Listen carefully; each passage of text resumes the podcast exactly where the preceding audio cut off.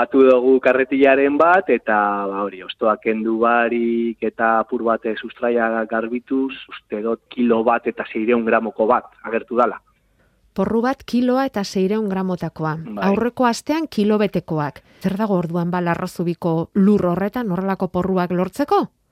Ba, materia organiko pillo, satz pillo, simaurra, esaten dozuen lez, eta ba hori, e, mikrobiota oso anitza. Baina gertatu zaizu beste urte batzuetan horrelakorik? Bai, kompostagaz bai. Orduan sekretua da, Jakobak esaten duen bezala lurrari jaten ematea. Hori da, eta ez da lurrari baizik, eta lurran bizi diren mikroorganismoi. Guk hemen aurten porruekin daukagu beste arazo bat. Eta Bai. handia. Eta da arra.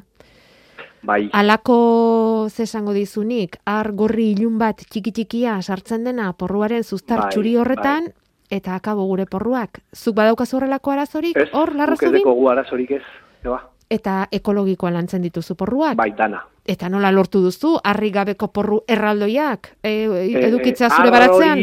egoten da oso lur astunetan, eta nik uste dut eh, materia organiko piloa dagoenean ez dagoela arazorik. Bueno, eta materia organikoa esaten duzunean, esan berriz, zer da? Materia organikoa da, ba, landaren e, sobrak, bueno, be, bai, animaliena izan daiteke, eta ba, lurrari botatzerakoan hori horreri deitzen dotzegu materia organikoa. Vale, deskomposatzen dan materia biologikoa.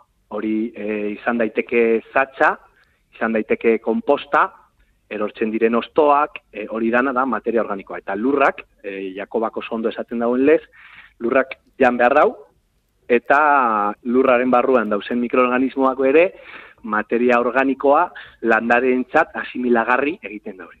Eta horrela azten dira sekulako porruak. Sekulako porruak eta, Eta- edo zer gauza. Hori, hori, hori. Zer gehiago, zuen baratzean? E, ba, ontxari ez babak e, irtetzen, bedai, eta, bueno, ba, aurrez egon direz kalabazak, piper batzuk, tomateak, bere, danetarik. Eta gero hoiek Lurra duaz, osasuntxua badagoen, e, landara beti osasuntxua urtengo dago.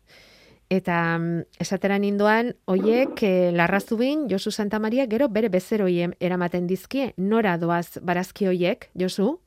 Ba, bueno, konkretuki nik e, kontsumo taldetan saltzen dudaz, baina porru hauek bereziki joan dire Bilbon dagoen katerin agroekologiko edo veganoa dan e, sustraia katerin e, ekologikora. Neska batzu dauz hor, eta kriston errezetak egiten daurez, eta bueno, ba, porru hauekin suposatzen dut errezetak askoz gozoagoak izango direla. Behintzat porru batekin asko egin izango dute, hori seguru. Bai, e, e, emoten dau holan e, tipul handia urteten danean, eda porruak eta ba, jendeak ez dauela gure holan, e, ba, ez dakite, gauza erraldo irik, ez da? Baina gero sukaldatzeko egia da, ba, soberak itxia ukiko duzula. Mm, porru kilo bat egiteko, ba, txortan igual beharko dozuz, ez dakite, bos bat, e, hiru bat porru, eta horrek guztia garbitu kendu, ba, bueno, ba, kilo bateko porruekin, ba, hobeto irtetzen da.